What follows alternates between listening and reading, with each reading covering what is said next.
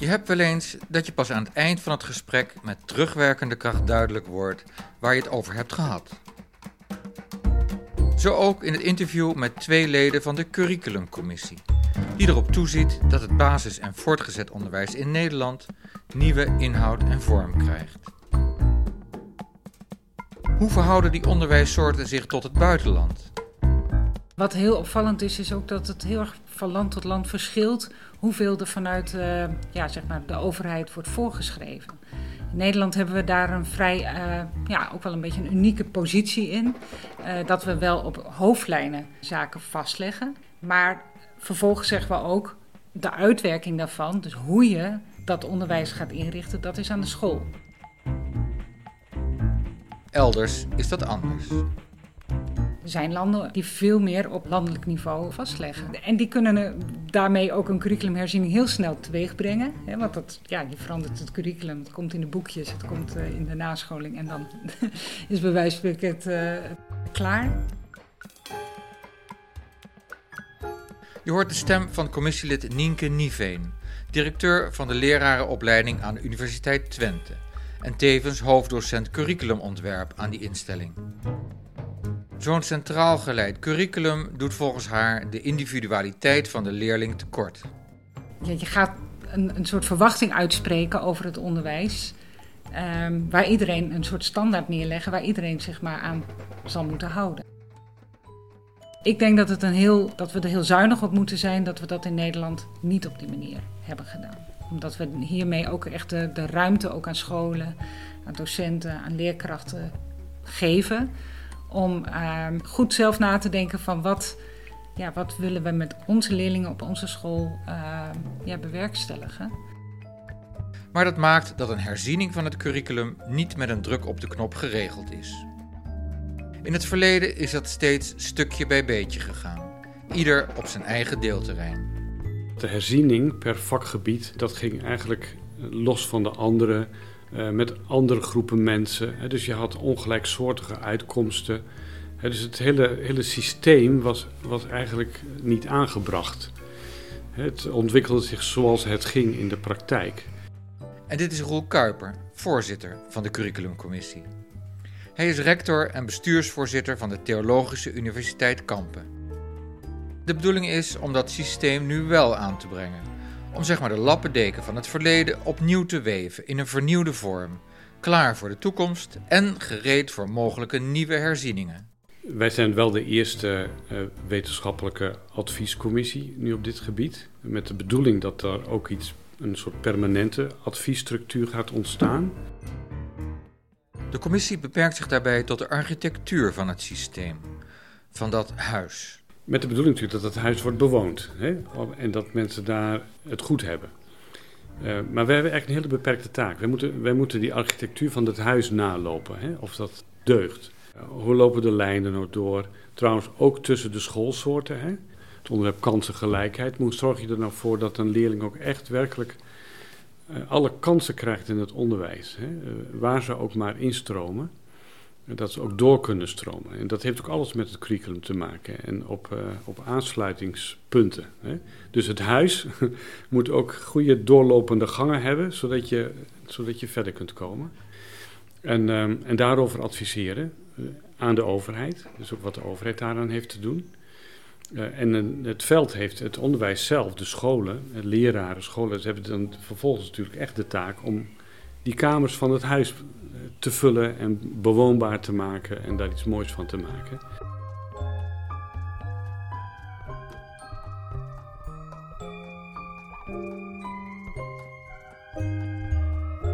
Aan de inhoud van het onderwijs wordt al lange tijd gewerkt.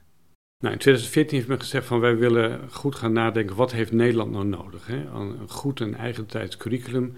Wat onderwijzen wij nu aan leerlingen in ons land? Waarom doen we dat eigenlijk? Uh, en, en hoe organiseren we dat? Hè? Dus, eh, dus dat zijn de dingen van het curriculum ook. Hè? Dus de doelen, inhouden, de organisatie van onderwijs. Uh, dat heeft tot een aantal initiatieven geleid. Je had Onderwijs 2032.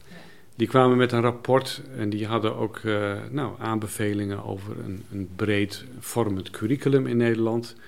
Daarna is, heeft het onderwijsveld zelf een initiatief genomen En dat heet curriculum.nu. Daarin zaten schoolleiders, leraren, maar ook uh, onderwijsorganisaties, sectororganisaties. Die hebben van onderop geprobeerd om een proces in gang te zetten. Om te zeggen van dit moet er dan in staan. Uh, trouwens heel goed, heel respectabel en uh, met een hele rijke uitkomst.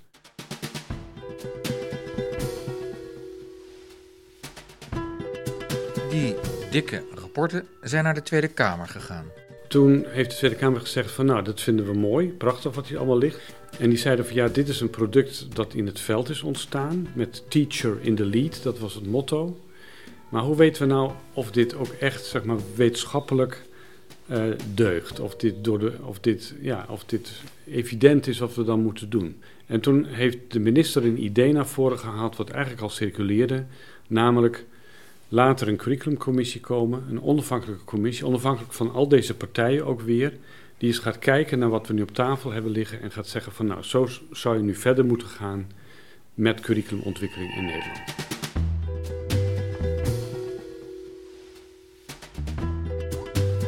De curriculumcommissie van zeven leden is in de zomer van 2020 per koninklijk besluit ingesteld.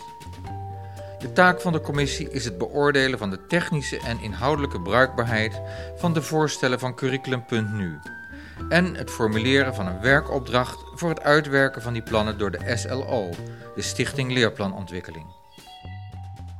Hoe is Nienke Niveen betrokken geraakt bij de curriculumcommissie? Nou ja, we hebben uh, natuurlijk met heel veel mensen gesolliciteerd. Maar de reden dat ik er denk ik uitgepikt ben is uh, vanwege mijn achtergrond. Uh, ja, eigenlijk op het terrein van curriculum. Ik heb ooit onderwijskunde gestudeerd in Twente, wat ook echt een, uh, een toegepaste studie is op het terrein van onderwijs. Uh, proberen echt onderwijsproblemen op te lossen, die er natuurlijk ook zijn. En ook mooie zaken voor het onderwijs ja, voor elkaar krijgen. En een van de richtingen daarbinnen was ook, ja, dat heette destijds curriculum technologie. Maar dat kwam er eigenlijk op neer dat je dus echt met dit soort vraagstukken, waar ook de curriculumcommissie nu voor staat, uh, ja, dat je daarmee bezig uh, ging houden. En uh, ik heb daar tien jaar als, als universitair docent ook gewerkt na mijn promotietraject. En vervolgens heb ik twaalf jaar bij SLO gewerkt, ehm, Stichting Leerplanontwikkeling in Nederland. eigenlijk ook op het terrein van, van hetzelfde onderwerp. En daar heb ik mij vooral ook bezig gehouden. We maken natuurlijk prachtige leerplankaders. Die kunnen vast nog veel mooier. Maar hoe zorg je ervoor dat dat ook in het onderwijs zelf, dus uh, op de scholen, in het primair onderwijs en het voortgezet onderwijs, ook daadwerkelijk ja, uh, handen en voeten gaat krijgen. En hoe is Roel Kuiper betrokken geraakt bij de commissie? Ik ben uh, uh, denk nu een jaar geleden ben ik benaderd door uh, het ministerie uh, met de vraag of ik ervoor voelde om deze commissie voor te zitten. Ik denk dat ik een beetje in het vizier ben gekomen, ook omdat ik lid ben geweest van de Eerste Kamer en daar ook een parlementair onderzoek heb geleid.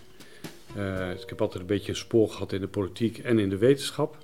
En ik heb kennis gemaakt toen op het ministerie, ook met de mensen die betrokken waren bij curriculum.nu, want het ging ook echt om de voortzetting van wat daarin was ontwikkeld. Toen heb ik ja gezegd en toen heb ik inderdaad ook uh, de selectie mee gedaan samen met het ministerie van de leden van de commissie. Op welke soorten expertise en ervaring zijn de commissieleden geselecteerd?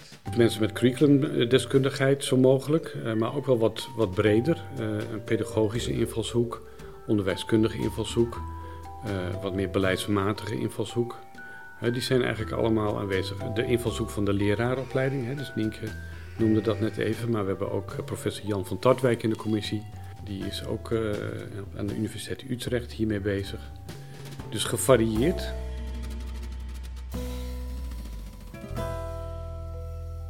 De commissie probeert een zogeheten rationale op papier te krijgen voor het basis- en voortgezet onderwijs.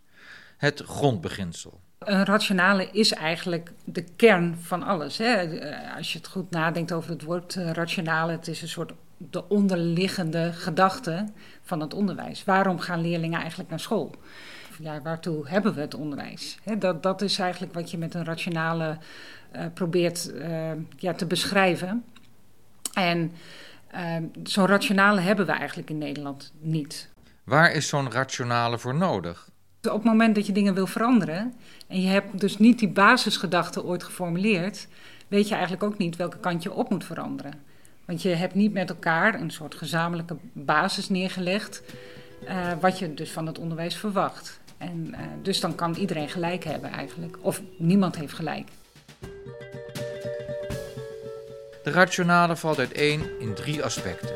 Het onderwijs is natuurlijk aan de ene kant hè, de, de, kwalificerende functie, zoals het vaak wordt genoemd. Hè. Dus uh, natuurlijk hè, zit je in het onderwijs ook om verder en ook de aansluiting naar het uh, vervolgonderwijs of naar een beroep uh, op te doen. Daar heb je een kwalificerende functie voor nodig. Maar daarnaast is het onderwijs natuurlijk ook heel belangrijk dat leerlingen daar ja, persoonsvormend en ook op het terrein van socialisatie, dat, dat je daar ook met elkaar mee bezig bent. Nienke benadrukt het belang van een goede balans tussen die drie, omdat de socialiserende functie van het onderwijs en de persoonlijke ontwikkeling van de leerling wel eens in de verdrukking komen door het streven naar het feitelijke diploma. Nou ja, als het gaat om, om die socialiserende functie, dan gaat het dus ook heel erg om dat je met elkaar de, ja, de samenleving straks ook vormt. En nu eigenlijk al, hè, ook als je, als je een, uh, een puber bent of, uh, of op de basisschool zit. Je zit natuurlijk al wel in die samenleving. Je bent eigenlijk al een burger in die zin. En dat betekent dus ook dat je, ja, dat je um, helder moet krijgen van hey, wie ben ik nou ten opzichte van anderen en wie zijn anderen ten opzichte van mij. De commissie streeft er daarom ook naar dat het inhoudelijk curriculum niet te vol wordt. En in dat licht kun je het voorstel van het nieuwe leergebied burgerschap zien als een welkome aanvulling voor die twee andere aspecten van de rationale. De reden waarom burgerschap belangrijk eh, is geworden. Hè? Dat heeft natuurlijk alles te maken ja, met, het, met de discussie die we net hier hadden. In wat voor samenleving leven wij? Hoe beweeg je daarin? Uh, daar kom je mensen tegen die anders zijn dan, dan jij, hè? die andere opvattingen hebben, andere achtergronden. Hoe leer je omgaan met, met anderen die anders zijn dan jezelf? Hoe leer je ze respecteren? Hoe werk je samen? Um, hoe leer je ook uh, omgaan met je rechten als burger? Hè? Hoe geef je invulling aan je burgerschap? Nou, dat zijn natuurlijk allemaal thema's die hoogst actueel zijn.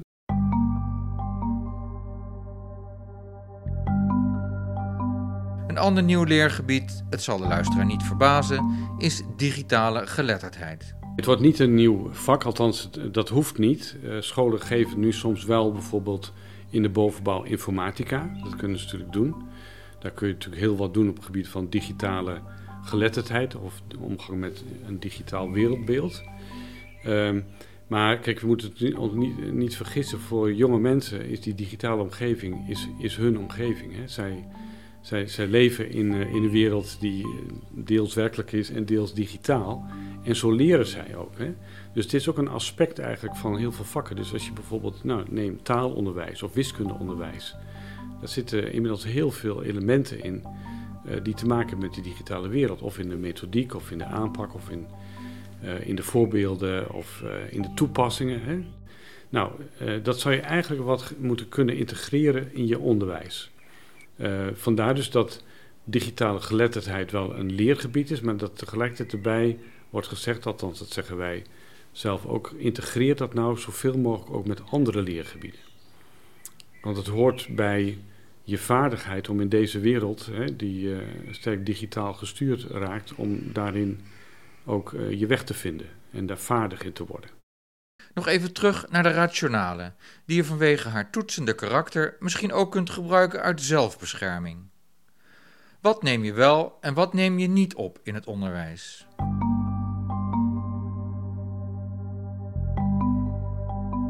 Er is een, een Amerikaanse uh, hoogleraar Larry eh, Cuban. En die zegt ook, hè, als de samenleving jeuk heeft, dan moet het onderwijs krabben. Op het moment dat er een probleem is in de wereld, of in Nederland, of, dan wordt natuurlijk al heel gauw naar het onderwijs uh, gewezen van... dat moet ook in het onderwijs aangepakt, opgelost worden. En voor je het weet, ja, heb je natuurlijk een enorm overladen curriculum voor het onderwijs gecreëerd. Hè, waar aandacht moet besteed moet worden aan, een grote diversiteit aan, aan, aan zaken. Hè? Van, van obesitas tot veilig verkeer tot nou ja, reanimeren. Er zijn zoveel thema's natuurlijk die elke keer toch ook wel naar het onderwijs wordt gekeken van nou, kunnen jullie daar iets aan doen? En dat als je niet met elkaar een scherp beeld hebt van waar is het onderwijs nou precies voor. Um, en je hebt niet naar elkaar uitgesproken van we gaan dat ook eens in de zoveel tijd herzien. Dan ben je natuurlijk misschien ook wel geneigd om heel snel dat soort problemen of zaken, maar dan bovenop het onderwijs te stapelen. En voor je het weet, ja, is het een grote kerstboom geworden die omvalt. Dus is de vraag: wat voor mens moet je zijn of worden in de eerste helft van de 21ste eeuw? Dat is een hele belangrijke vraag. Hè? Die, die betreft echt ons werk. Ehm, wat moet een leerling in onze samenleving kennen en kunnen hè, om daarin goed uit de voeten te kunnen? Dat is niet alleen maar cognitief, hè, dat zijn ook de vaardigheden en de houdingen. Maar wat hebben onze kinderen, onze, onze leerlingen nou nodig en waar moeten ze staan aan het eind van een doorlopen curriculum? Om weer goede aansluiting te hebben, om een uh, goede burger te kunnen zijn, hè, om een beroep te kunnen uitoefenen. Nou, daar gaat het om. En je voelt wel, dat drijft ons natuurlijk ook hè, als leden van de commissie. Dat, dat, dat raakt ons natuurlijk, dat vinden wij een belangrijke vraag. Ja, het zet het werkelijk in zekere zin onder eh, een actuele spanning.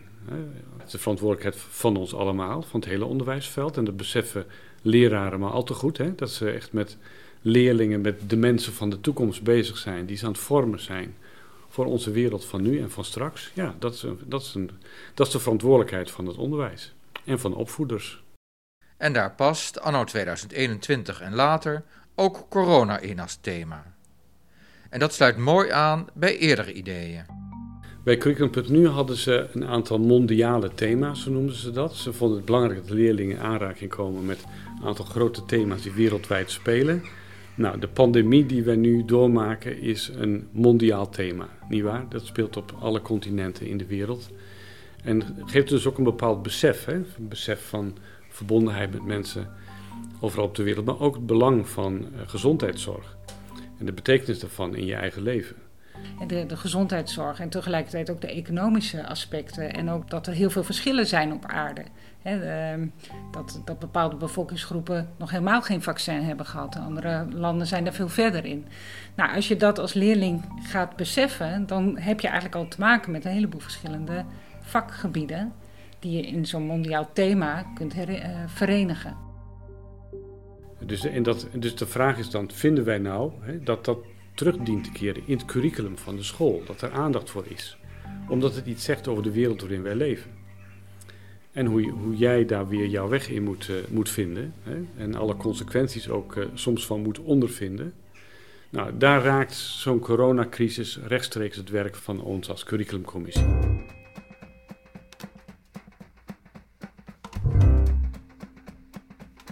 Ten slotte de vraag aan Roel en Nienke hoe vaak zij zelf op scholen komen, professioneel. Ik heb hier een leerstoel die zich richt op het onderwijs en wij adviseren ook uh, scholen. Ehm, en uh, dus dan komen we ook op de werkvloer. Dus dan spreken we met schoolleiders en met leraren. En dat gaat ook over vraagstukken van hey, hoe geef ik vorm aan mijn onderwijskundige visie op de school. En Nienke? Als lerarenopleiding uh, zou je niet verbaasd zijn dat we inderdaad natuurlijk heel veel met scholen samenwerken. En uh, we, we, werken ook in de constructie van samen opleiden en professionaliseren. Dus we hebben echt ook onze stagiairs, hè, die zitten dus echt op een, op een school die, uh, die daarvoor erkend is. En uh, daar waar vakcoaches en schoolopleiders werken, die heel nauw samenwerken met onze vakdidactici. Um, nou, dan zitten we met ongeveer 30 scholen in onze regio Twente, hè, de, waar, uh, waar we ja, heel regelmatig natuurlijk contact hebben. Niet alleen over uh, hoe leiden we op en hoe doen we het met de nascholing, uh, maar ook over eh, meer inhoudelijke zaken die met het onderwijs te maken hebben. En komen ze ook nog wel eens als ouder van hun kinderen op een school? Voor Roel is dat al enige tijd geleden. Maar hoe was dat? Ja, nou ja, hoe gaat dat? Je komt op school en je hebt een gesprek met een docent en, uh, uh, en uh, je wilt heel graag de invalshoek van de leraar dan eens horen op je eigen kind. Hè? Ik bedoel, je ziet dat kind zelf al en dan, dan thuis praat je, maar ja, wat zegt een leraar eigenlijk over een kind? Hè? Dat vond ik altijd wel weer interessant om te horen. En leer je daar wat van? Ja, nee, zeker. Dat is, dat is de docentenblik. Hè? Dus, en je hoort natuurlijk ook dingen over je kind die zich aan jouw waarneming onttrekken. Hè? Dus hoe, hoe hij of zij op school is. En, uh, en uh, Ja, nee, zeker. Dus daar heb ik op zich wel goede herinneringen aan. Ja, ik, ik, ik heb veel, ook toen heel veel betrokken leraren gezien en mooie schoolomgevingen. En Nienke? Nou, ik heb net twee examenkandidaten afgeleverd. afgeleverd. Nou ja, althans, afgelopen donderdag zijn, zijn ze allebei geslaagd, dus dat is heel fijn. En ik heb eentje, een dochter die inmiddels aan het studeren is. Maar uh, ja, ik, ik heb eigenlijk altijd met heel veel bewondering uh, in die zin ook wel naar uh, gekeken hoe zo'n mentor toch eigenlijk van elke leerling, en in dit geval dan van mijn drie kinderen, toch altijd wel heel goed scherp had van hoe hij of zij in elkaar zit. Hè? Dat, ik had altijd wel de indruk in ieder geval dat ze, dat ze zo goed in de gaten hadden. En dus dat, dat zegt dus ook wel iets over die docenten. Dat hij dus heel goed moet zijn in zijn vakgebied en in, in de didactiek. Maar ook in ja, toch de, de, de, nou ja, de dagelijkse omgang hè, met leerlingen.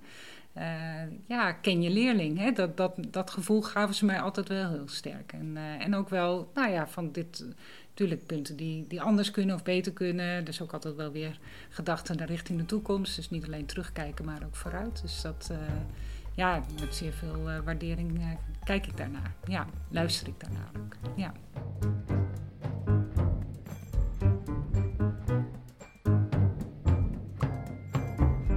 En wat werd nou precies in het begin van de podcast bedoeld met dat je je soms pas aan het einde van het gesprek realiseert waar je het over hebt gehad? Dat is het antwoord op de vraag waarom het herzien van een curriculum zoveel tijd kost en over zoveel schrijven gaat.